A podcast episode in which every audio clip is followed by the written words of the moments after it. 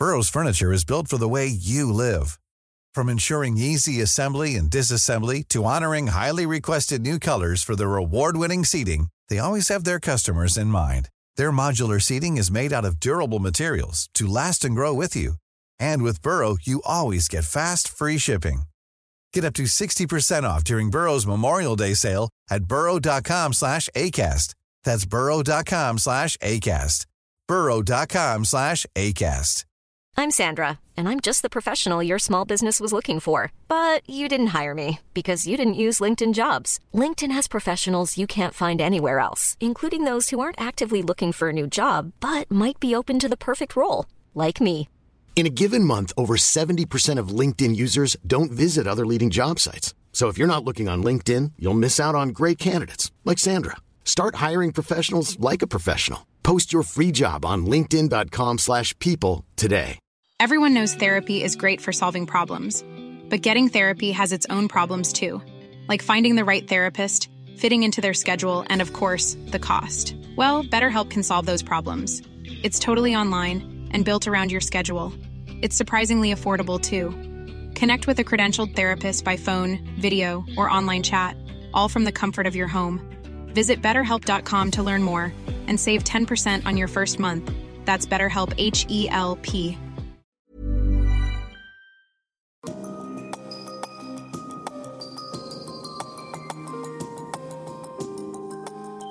Du lytter til podkast fra Oslo Militære Samfunn.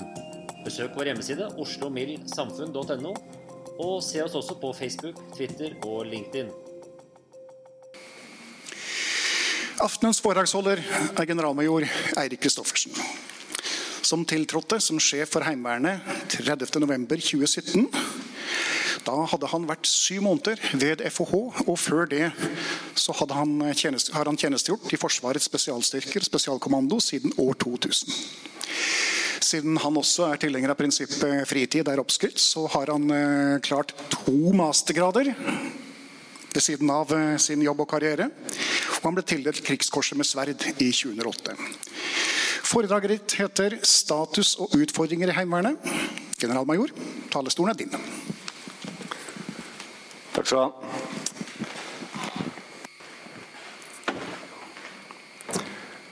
Deres Majestet, kjære alle forsvarsvenner. Først og fremst takk for invitasjonen eh, til å gi en status på Heimevernet. Tidspunktet passer veldig bra for meg, eh, siden det snart er fem måneder siden jeg tok over som sjef. Den tida har jeg brukt til å reise rundt til de elleve heimevernsdistriktene. Jeg har besøkt Heimevernsskolen, eller Heimevernets skole- og kompetansesenter på Dombås, og jeg ble kjent med Heimevernsstaben i Elverum. Nå ser jeg frem til å presentere hvor Heimevernet står i dag, sett opp mot langtidsplanen for Forsvaret, og hvilke tiltak jeg ser som kan styrke Heimevernet enda mer.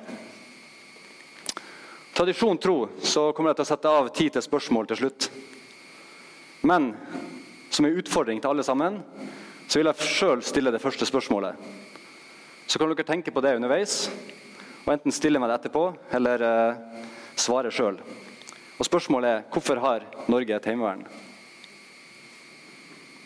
Dere er herved utfordra. Landmakt er selve kjernen i et forsvar. Konflikter oppstår mellom mennesker, og avgjørelsen faller til slutt på landjorda, der folk lever og bor. Likevel så må et forsvar ha et balansert forhold mellom landmakt, sjømakt og luftmakt. Det er evnen til å samvirke i fellesoperasjoner som gjør militærmakten sterkest.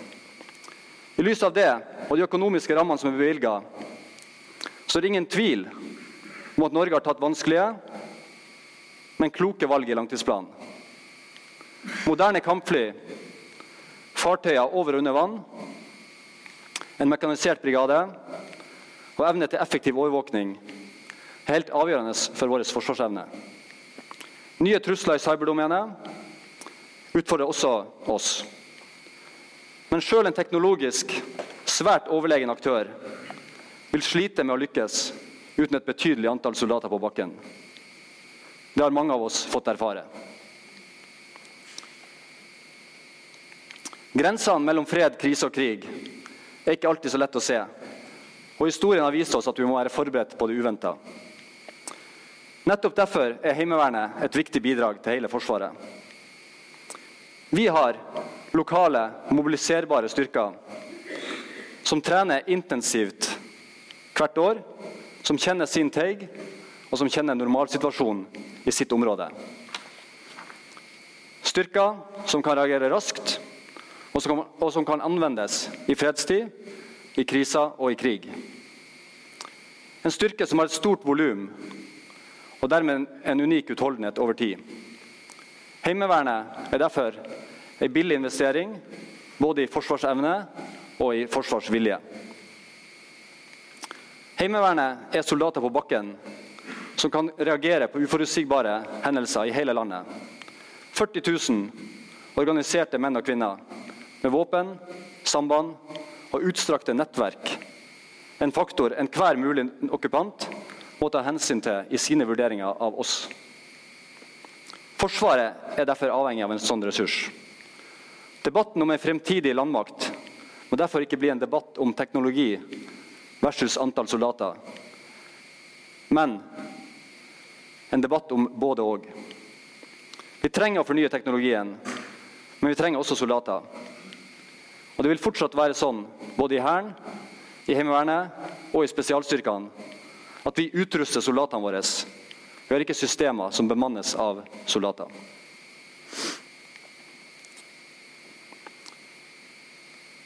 Lokale hjemmestyrker som en viktig del av Homeland Defence har fått fornya interesse internasjonalt.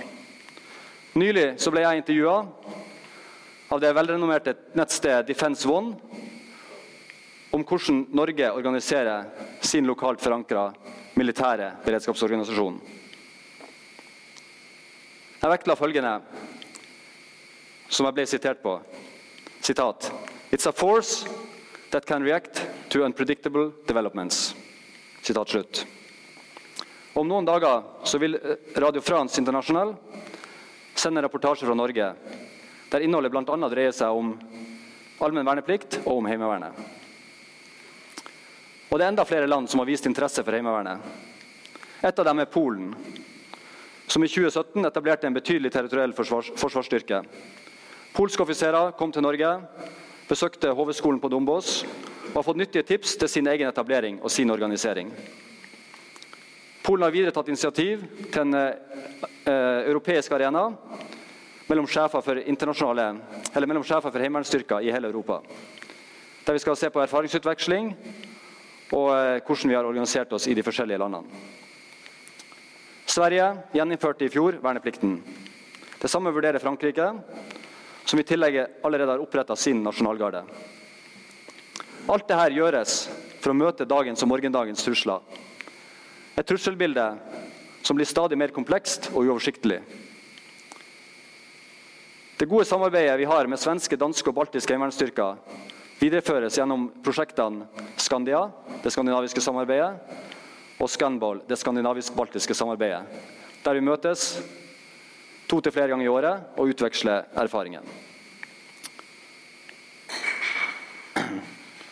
Norge er fortsatt en småstat i militær sammenheng. Derfor er Nato-alliansen så viktig for oss.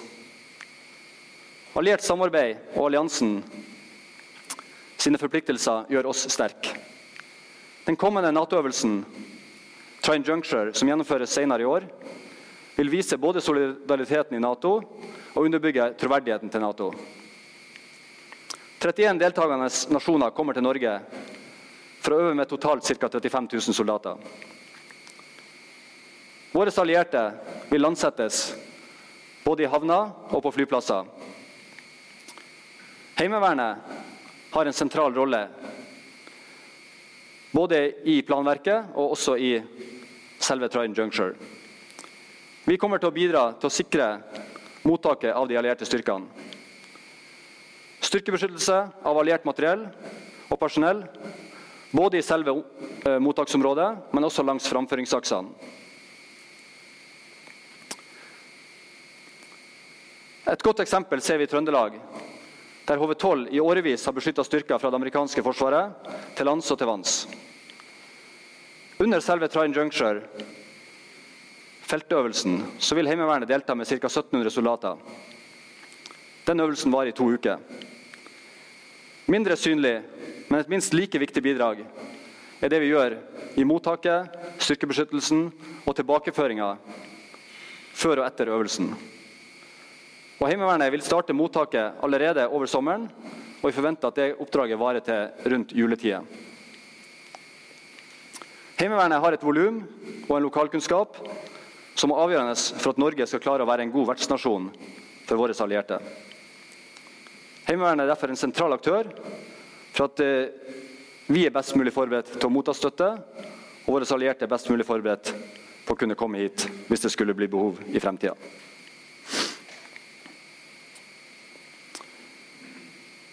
November i fjor tok jeg over kommandoen som sjef for Heimevernet etter generalmajor Tor Rune Råby.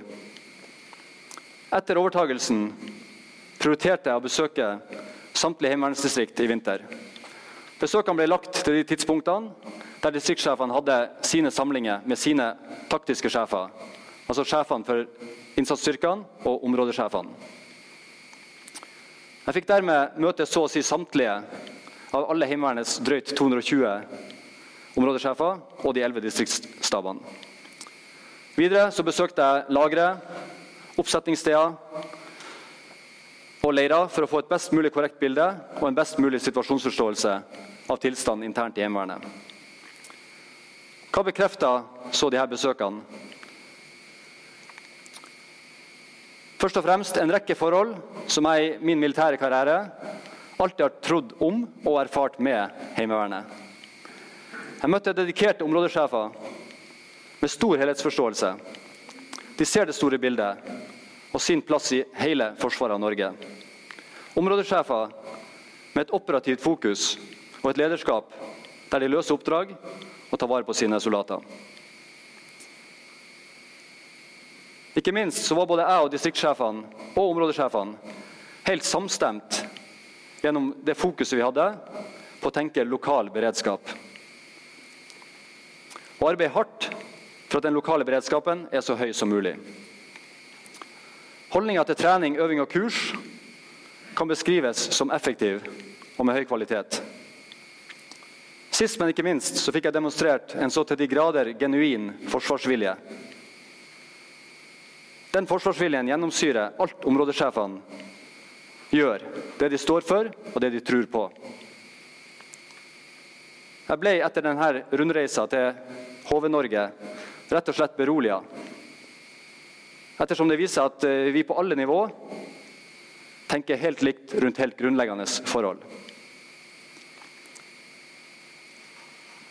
De fellesutfordringene som både mine underlagte sjefer og jeg sjøl ser, er at vi trenger mer tid til trening, vi trenger mer ammunisjon til skarpskyting. Vi trenger å fylle opp Heimevernet med soldater. Og det er et sterkt ønske om forutsigbarhet i organisasjonen. Det viser hvor opptatt mine områdesjefer er av, få, er av å få mest mulig ut av det de er ansvarlig for. Det er god trening som sikrer hele samholdet i Heimevernet. Årlig trening er pulsslaget som holder avdelingen sammen og som sikrer lokal beredskap. Hvem er så denne områdesjefen som har påtatt seg et verv med mye ansvar for en eh, forholdsvis beskjeden kompensasjon? Generelt så er områdesjefen en voksen kvinne eller mann med god samfunnsforståelse, godt engasjert i sitt lokalsamfunn, opptatt av beredskap. En som samarbeider med aktørene i det vi kaller beredskapsfamilien. Som vet hvor sivile ressurser kan hentes. Det være seg alt fra hammer og spiker, bygningsmaterialer, til båter og gravemaskiner. En som kjenner det vi før kalte for øvrigheter i by og bygd. Han eller hun er den lokale offiseren som tenker sikkerhet og beredskap, og som har et nettverk som kun kan etableres over tid og med god lokal kunnskap. Områdesjefen med sine mannskap og befal er selve kjernen i Heimevernet. Det er områdestrukturen som er vår center of gravity, som eh, vi sier på nytt militært norsk. Mennesker i Heimevernet er mye viktigere enn materiell. Felles for soldatene i Heimevernet er at den enkelte kvinne og mann har en unik yrkeskompetanse og en livserfaring som Forsvaret kan nyttiggjøre seg i forbindelse med utdanning, i forbindelse med trening og øvelser, og ikke minst eh, i krise og krig. Derfor skal vi fortsatt investere i mennesker. Årlig trening er pulsslaget, mens Heimevernets skole og kompetansesenter på Dombås er selve hjertet i Heimevernet. Skolen bygger kompetanse på spesielt befalssida og offisersida, men gjennomfører også fagkurs innenfor f.eks. skarpskyting og sanitet. Kursene gjennomføres enten sentralt på Dombås, sentralt på Dombås eller ute i de elleve distriktene. Heimevernet må utdanne ca. 1000 befal i året. Tilførselen fra troppe, eh, av troppeførere fra forsvarsgrenene er på ca. 300. Og vi trenger ca. 1300 i året. Flere av kursene våre, særlig innen lederskap, er noe som elever nyttiggjør seg, også i sin sivile hverdag, på jobb og utenom arbeidstida. Og som dermed kommer både sivile arbeidsgivere og lokalsamfunn til gode. Menneskene i Heimevernet har stilling i det sivile arbeidslivet på alle nivå og innenfor de fleste yrker. Det være seg som daglig leder i små og mellomstore bedrifter, lege på et sykehus, dykker i oljenæringa, sjåfør på vogntog, lærer i barneskolen, sveiser, skipper på tråler, kornbonde, rørlegger, førskolepedagog, lektor, journalist, murer. Jeg kan bare fortsette å liste opp.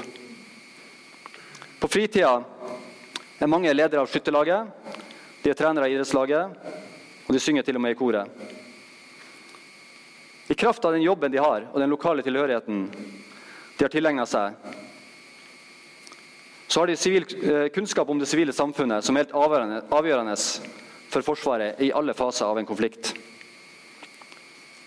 Våre soldater i Heimevernet utgjør også titusener av øyne og ører, sensorer, som vet hva som er en normalsituasjon eller ikke på hjemstedet sitt. Å ha de her samfunnsborgerne i uniform er helt uovertruffent for en nasjon, og en modell som også mange andre nasjoner som sagt, ser nødvendigheten av når vi er i usikre tider. Jeg har lyst til å sitere Inge Degnepoll i HV09, som skrev en masteroppgave høsten 2017 som heter 'Beredskap på deltid'. Sitat. Alle i Heimevernet har tolv måneders førstegangstjeneste. Veldig mange av våre ledere har befalsskole og krigsskole. Det som er det unike, er denne blandingen av sivil kompetanse de har. Alt fra direktører til studenter. Dette, blandet sammen med de militære ferdigheter, gjør at de finner løsninger som er litt ukonvensjonelle, men som fungerer. Det passer godt i lokalsamfunnet de skal operere i. De kjenner hverandre og vet hva som er fremmed i området. De har et nettverk som både kan hente informasjon og spre informasjon. Med dette nettverket er det også mulig å trekke på lokale ressurser for å fikse ting. HVs egenart, som både baserer seg på HVs historie og organisering, har i seg potensialet for å motvirke eller dempe mange av de mekanismene som hemmer kreativitet i en militær organisasjon. Mer mangfoldig kompetanse, mindre fokus på karriere, demokratisk tilnærming til lederskap og avgjørelser, mer deskriptive enn preskriptive regelverk, mindre autoritær omgangsform og en tradisjon for å løse oppdrag som blir oppfatta som viktige med knappe ressurser. Sitat slutt. Sitatet fra Inge Degnepoll oppsummerer selve kjernen i Heimevernet sin lokale beredskap.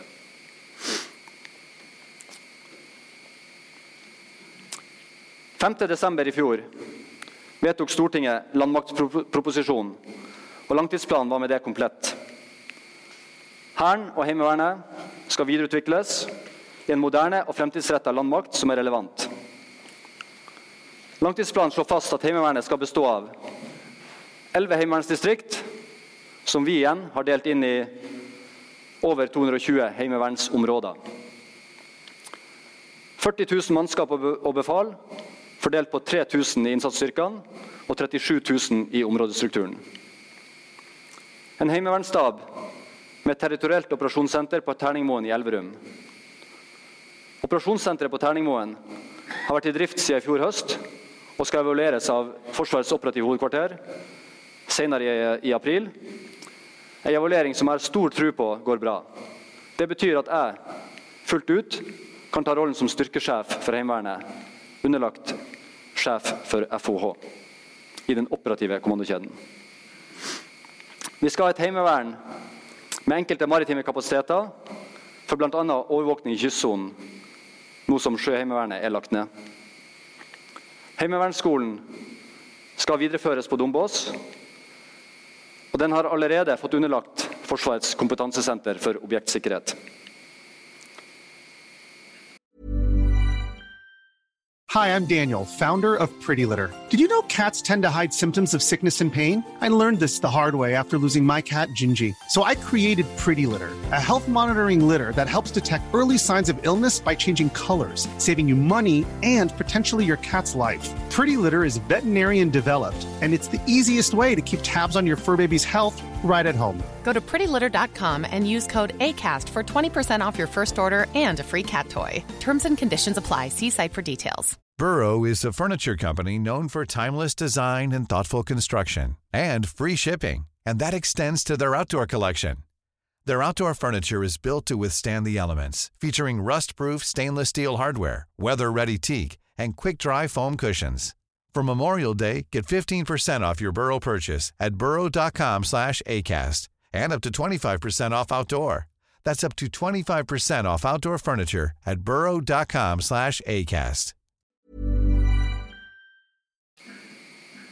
Jeg er svært fornøyd med at Heimevernet fortsatt skal være landsdekkende.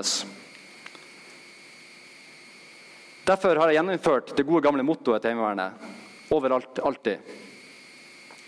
Heimevernet er til stede over hele landet, selv om jeg måtte gjøre klare prioriteringer med en struktur som er redusert til 40 000. Heimevernet vil i løpet av 2018 i stort være omstilt i henhold til langtidsplanen. Det betyr at Sjøheimevernet allerede er nedlagt, og strukturen som Heimevernet skal øve og trene i 2019, er helt i samsvar med de vedtakene Stortinget har gjort.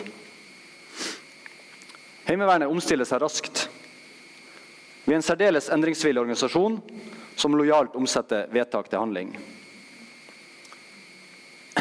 Min og Heimevernsstaben sin viktigste oppgave til jeg står her igjen neste år, hvis jeg fortsatt har jobben og blir invitert, det er jo to forutsetninger,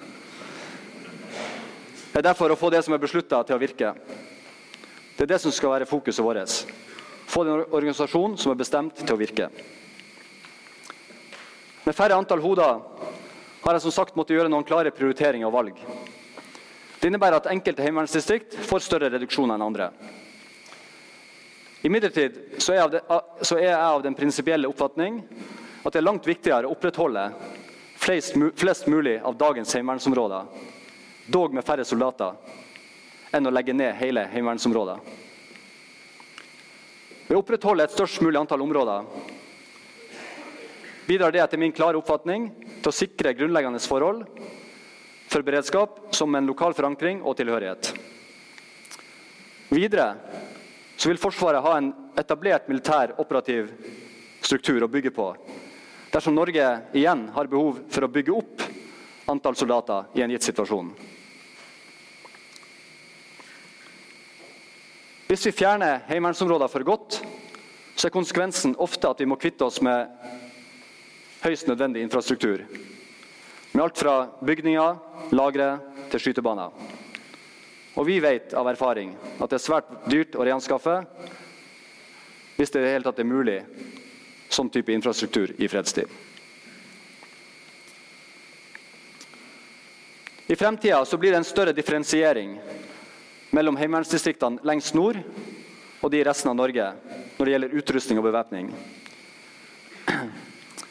Det er politisk enighet om å styrke Heimevernet i nord. Kampkraften i HV-17 i Finnmark skal styrkes med nye våpensystemer som bærbart luftvern og panservern. Og HV-17 skal få bedre mobilitet i form av lette terrengkjøretøy, snøscootere og beltevogner.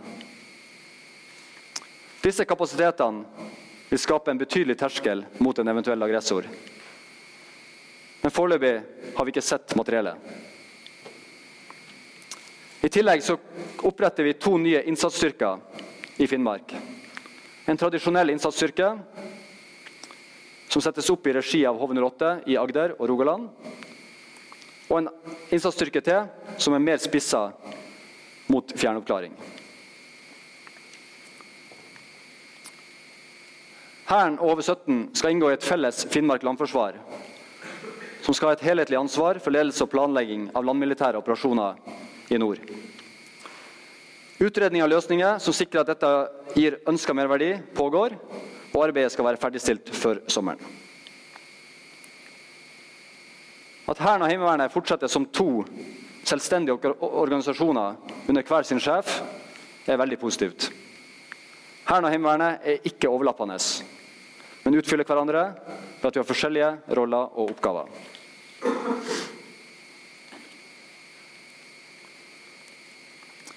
I mine møter med Heimeverns-Norge har jeg lagt spesielt vekt på å belyse de mulighetene Heimevernet sjøl har for å utvikle oss videre innenfor rammen av landmaktsproposisjonen. Jeg vil spesielt på, trekke frem tre forhold. For det første så er personell alltid viktigere enn materiell i Heimevernet. Og Derfor er det avgjørende med en struktur fylt opp av soldater. Heimevernet må ikke bli materielldrevet. Det kommer til å strupe drift, driftsbudsjettene våre sakte, men sikkert, uten økte bevilgninger. Heimevernet skal investere i mennesker. Selvsagt er vi avhengig av, av visse typer kritisk og forsvarsspesifikt materiell, som uniformer, samband, våpen og ammunisjon. Men det meste utover det kan mine soldater skaffe når situasjonen krever det. Det er våre innsatsstyrkesjefer, områdesjefer, troppssjefer og lagførere som utgjør selve kjernen i, kamp, eh, i kampkraften og den lokale beredskapsevnen. Lokalt forankra heimevernssoldater med god sivil kompetanse og et solid nettverk må forbli egenarten i Heimevernet. Derfor legger jeg særlig vekt på beredskapsklare avdelinger med evne til å reagere på det uforutsette på kortest mulig tid. Fra personellet blir innkalt til de er klare til strid, skal det gå så, for, så kort tid som mulig. Prinsippet skal være selvoppsetting lokalt. Og Vi vet av erfaring at personellet møter raskt når bjella ringer. Fra tid til annen så evaluerer vi reaksjonsevnen vår gjennom ikke-varsla beredskapstester i HV-distriktene og Fellesnevneren er at store deler av, av eh, er på plass på sitt oppsetningssted og klare til å løse oppdrag med våpen i hånd kun noen få timer etter at vi har varsla. Forsvarets logistikkorganisasjon, FLO, gir oss utholdenhet når områdene først er satt opp. Jeg er derfor svært glad for det tette og gode samarbeidet med FLO. Oppfylling av materiell er godt i gang som en del av Forsvarets satsing på å bygge grunnmuren. Her har FLO igjen gjort en formidabel innsats med å reparere og forsyne materiell, som i sum medfører at Heimevernet beveger seg i stadig mer operativ klarretning. Nå må Heimevernet også fylle opp med nok personell og med riktig kategori på personellet. Derfor er min klare hovedprioritet, foruten Trine Juncture i 2018, er å løfte områdestrukturen i Heimevernet. Fordi det er selve grunnfjellet og volumet vi har i, i, i Heimevernet og Forsvaret. Innsatsstyrkene skal videreføres på det høye nivået de allerede holder. De har en meget god stridsevne og representerer i dag en betydelig ressurs både for Heimevernet og for Forsvaret. For det andre skal Heimevernet sine treninger først og fremst fokusere på stridsdriller og stridsteknikk. Hver HV-soldat skal først og fremst være en infanterist, en geværmann. Grunnleggende infanteritjeneste gir soldater som kan benyttes til mye. Effektiv trening av enkeltmann, lag og tropp i områdestrukturen er opp til kompaninivå for innsatsstyrkene, danner grunnlaget for den operative utnyttelsen av Heimevernet. Soldatene i Heimevernet er, kun, er inne kun noen få dager i året. Og Det handler om å utnytte tida til fullt gjennom å trene effektivt. Etter noen dager med trening skal de alle reise hjem til sivilsamfunnet, slitne og fornøyde, men ikke lei. En viktig faktor for denne effektive treninga er innføringa av spesialistkorpset. Spesialistkorpset bidrar til løft for trening og erfaringsoverføring og kulturbygging i avdelingen. Arbeidet med ny militær ordning og innføring av spesialistkorpset er kommet veldig langt i områdestrukturen, og vi er så å si i mål. Og det gir allerede synlige resultater. Men for å sitere områdesjef eh, Mats eh, Tystad i HV11 Møre og Fjordane sitat Innføringen av ny ordning for militært ansatte, OMT, innebærer at Forsvaret innfører et offiserskorps like mye som et befalskorps. Offiserene skal ikke lenger være instruktører, men konsentrere seg om planlegging og ledelse, mens spesialistene er instruktørene. Slutt. Vi er godt i rute med å innføre OMT. I styrkestrukturen har den prosessen gått mye raskere enn vi trodde. Jeg tror at en viktig årsak til det er at mange av soldatene i områdestrukturen og innsatsstyrkene er vant med et sånt, sivil, et sånt system i sin sivile jobb. Bedrifter er ofte organisert med en ledelse som tenker strategi, kompetansestyring og økonomi. Så har de håndverkere og fagfolk som utfører og leder den praktiske utføringa. Eh, synergien av innføringa har ikke gjort at, bare, har ikke gjort eh, bare at det har gått fort, men vi har også raskt fått en operativ effekt. Kampkraft. Fordi vi er ute etter, etter personell som skjønner hensikten med systemet, samtidig som soldatene i Heimevernet har en lang ståtid. For det tredje så skal Heimevernet forsterke sin kommunikasjon og informasjon internt og eksternt. I vinter ba jeg derfor Forsvarets mediesenter om å gjennomføre en undersøkelse til styrkestrukturen i Heimevernet, der over 9000 mannskap og befal svarte. Spørsmålet var hvordan de ville bli informert, og hva de syntes om status i Heimevernet. Vi fikk mange svar og fikk mange indikasjoner på hvordan internkommunikasjonen til våre 40 000 kvinner og menn skal bli best mulig. Det som var gledelig for meg, som er litt analog fortsatt, var at de ønska personlig kontakt med sin nærmeste befal og eh, informasjon på mail med konkret informasjon om neste trening og innhold. Videre skal mine områdesjefer og distriktssjefer fokusere ytterligere på HV Kjentmann sin rolle og sin egen rolle som det militære bindeleddet lokalt og regionalt til totalforsvaret sine aktører, som fylkesmann, politi, sivilforsvar og andre. Samarbeidet vi har gjennom Fylkesmannen sitt eh, beredskapsråd, er en god modell og fungerer godt som et forum for informasjonsutveksling, planlegging og samtrening. Oppsummert så er fokuset mitt på beredskapsklare avdelinger, effektiv trening, kommunikasjon og nettverks, nettverksbygging. Forhold vi i Heimevernet kan bedres sjøl. Bl.a. gjennom et godt fokus og mer standardisering.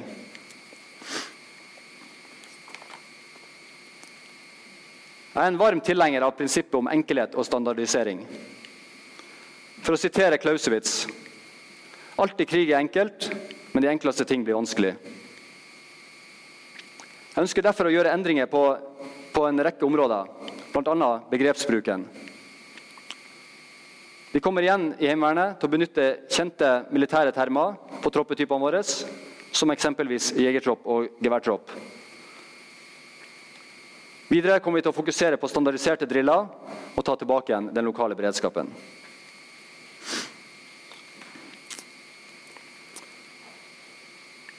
Heimevernet beviser hver eneste dag at organisasjonen kan få til store ting med beskjedne midler. Vi har likevel et potensial innenfor effektivisering for å kunne frigjøre enda mer midler til målretta tiltak som øker operativ effekt. Men Heimevernet kan imidlertid ikke klare alt sjøl. Og vi er avhengig av støtte fra flere andre for flere av de tiltakene som jeg mener vil gi stor effekt for en relativt liten investering. For å bedre kampkraften, redusere reaksjonstiden og, og effektivisere, så ønsker jeg derfor én type personlig våpen. I dag benytter vi i Heimevernet fem forskjellige våpentyper til enkeltmann, med tilhørende fire forskjellige kaliber. Heimevernet trenger HK416 i hele strukturen. Det vil forenkle logistikken, og det vil forenkle utdanninga betraktelig. I dag er det faktisk sånn at i enkelte hoveddistrikt så overfører vi personell som omskoleres til AG3 fra HK416. Et våpen som gikk ut av Hæren for flere år siden. Jeg ønsker mer treningstid. Den årlige treninga er som sagt selve pulsslaget i Heimevernet. Det er en avgjørende aktivitet som binder soldatene sammen, og som bygger forsvarsvilje og forsvarsevne. Områdestrukturen trener etter en fast to pluss ett årssyklus. Det innebærer i praksis at mine soldater trener fire dager årlig, to år på rad. Mens spesialister og befal trener seks dager årlig, to år på rad. Før det kun er befal fem dager siste året. Det som er lovmessig er gitt, er en 6-9-modell. Og For å øke kvaliteten i Heimevernet ønsker jeg å utvide denne ordninga til den velprøvde 6-9-modellen. Seks dager for mannskap, ni dager for befal hvert år. De ekstra timene og treningen gir beviselig en bedre effekt. Vi har sett det i Finnmark, der HV-17 fikk tildelt ekstra midler i 2017 og økte treningstida. Og man ser en umiddelbar effekt av det. For innsatsstyrkene ønsker jeg å øke treninga til 20 dager for mannskapene og 25 dager for befalet. I dag trener de i gjennomsnitt 15 dager for mannskap og 20 for befal. Jeg ønsker også en egen soldatutdanning til Heimevernet. Heimevernet sliter med å rekruttere nok personell i tynt befolka strøk i nord og i sør. Derfor ønsker jeg som en forsøksordning å starte en seks måneders grunnleggende soldatutdanning i Finnmark fra sommeren 2019. Den utdanninga kan også kombineres med lagførerutdanning i førstegangstjenesten. Heimevernet kan dermed få tilført riktig personell med lokal kunnskap både på mannskaps- og befalssida. Etter endt førstegangstjeneste på seks måneder kan personellet dermed overføres direkte til Heimevernet med sitt personlige utstyr, og vi kan benytte dem lengre av verneplikten sin totalt 19 måneder. En egen grunnleggende soldatutdanning i Heimevernet må også ses i lys av at Hæren sjøl ønsker å benytte de vernepliktige i enkelte av sine avdelinger enda lenger enn i dag. Dvs. Si en 16 måneders lang førstegangstjeneste, for deretter overføring til hærreserven, før overføring til Heimevernet. Med lengre ståtid i Hæren blir det færre vernepliktige måneder igjen for tjeneste i HV. Heimevernet har hatt egen rekruttutdanning før, og tilbakemeldingen fra den var svært god. En egen soldatutdanning i regi av Heimevernet er derfor ikke noe erstatning, men et supplement til dagens ordning for å dekke opp det gapet vi ser mellom, eh, mellom oppfyllinga i det vi kan kalle grisgrendte strøk i Norge i dag. Vi har for tynn oppfølging, oppfylling i Finnmark, rundt Ørlandet, rundt Evenes og andre viktige steder. For, fremtid, for, det fremtidige Heimevernet så ønsker jeg å sette ned en egen FFI-studie. FFI skal i løpet av eh, altså Forsvarets forskningsinstitutt skal i løpet av 2018 starte det som blir en treårig HV-studie. Første delen av studien skal skissere fremtidige realistiske scenarioer og dagens organisering. Del to tar gapet mellom scenarioene og Heimevernet i dag. Del tre anbefaler organisatoriske endringer for fremtida. Parallelt så skal vi i alle tre årene se på teknologi som kan gjøre soldatene våre enda bedre. Igjen, materiell kan ikke bli viktigere enn personell, men teknologi kan gjøre soldatene bedre. FFI skal underveis i rapporten rapportere til en bredt sammensatt styringsgruppe der ønsker representanter fra Landsrådet for Heimevernet, Forsvarets operative hovedkvarter, Direktoratet for samfunnssikkerhet og beredskap og Forsvarsdepartementet med flere. Jeg får ofte spørsmål om hvordan overgangen fra spesialstyrkene til Heimevernet har vært. Det er selvsagt åpenbare forskjeller mellom en spesialsoldat og en soldat i Heimevernet. Den grundige seleksjonen spesialstyrkene gjennomfører, og tid til trening, kan verken Heimevernet eller noen andre forsvarsgrener for den saks skyld ta seg tid til. Og Når det kommer til det aller viktigste, er likheten større enn forskjellen. Nemlig at forsvarsvilje og kreativitet er i fokus, og man setter oppdraget i fokus. Krigens natur har vært uendra gjennom hundrevis av år. Karakteren har endra seg, men som vi har sett ute i operasjoner, vil det til slutt dreie seg om mennesker på bakken. Årene mine i Afghanistan lærte meg mye om hva som kreves når vi sto stilt overfor en langt dårligere utstyrt motstander, som likevel var svært vanskelig å nedkjempe pga. viljen til motstand. I Afghanistan var vi definitivt teknologisk overlegne i møte med fienden. Men jeg tror bestemt at en av grunnene til at vi ikke lykkes, var den innbitte viljen til dem vi kjempa imot. Viljen til å slåss for det de tror på. Til slutt så blir viljen til å ikke gi seg avgjørende. Og jeg tror bestemt at forsvarsviljen er like stor i Heimevernet som i Forsvaret for øvrig. Historisk så er det mange som har gjort dyrekjøpte erfaringer når de har undervurdert den lokale motstandsviljen. Jeg har derfor stor tro på et landsdekkende, desentralisert og lokalt forankra heimevern som dreier seg om mennesker. Et heimevern med en avskrekkende effekt som en del av et nasjonalt, troverdig forsvar. Enhver motstander må ha det i tankene sine, nemlig det faktum å risikere å måtte stå overfor titusenvis av militært trente kvinner og menn over hele Norge. Soldater som stiller med våpen i hånd når det uforutsette skjer. En organisasjon med utholdenhet over tid. Forsvarsvilje. Synlig nærvær i og lokalkunnskap om hjemstedet sitt. Sivil kompetanse fra alt av yrker det norske moderne og demokratiske samfunnet kan tilby. Engasjerte mennesker med verv i frivillige organisasjoner. Mennesker med livserfaring og unik lokalkunnskap om klima, infrastruktur, befolkning og geografi. Mennesker med et personlig nettverk, med god situasjonsforståelse og helhetsoversikt.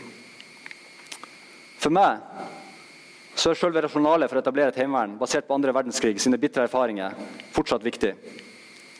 Som det het i, det het i stortingsproposisjonen i 1946 sitat, Heimevernet skal ved plutselig overfall være på plass på et minimum av tid og søke å hindre fiendtlig fremrykning gjennom eget område og naboområde. Sitat slutt. På et minimum av tid i eget område. Jeg mener at historien er fortsatt er grunnleggende for å forstå Heimevernet. Ikke bare i fortid, men like mye i nåtid som i fremtid. Forsvaret har et behov for å være militært på plass nettopp på et minimum av tid når det uforutsette skjer. Raskt på plass med lokalt forankra og beredskapsklare menn og kvinner. I Heimevernet har vi 40 000 soldater på bakken med vilje og evne til å gjøre en forskjell. Overalt, alltid. Takk for oppmerksomheten.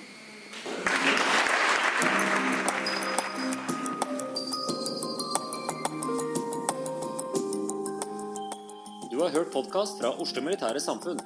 Besøk vår hjemmeside oslomildsamfunn.no, og besøk oss gjerne på sosiale medier som Facebook, Twitter og LinkedIn.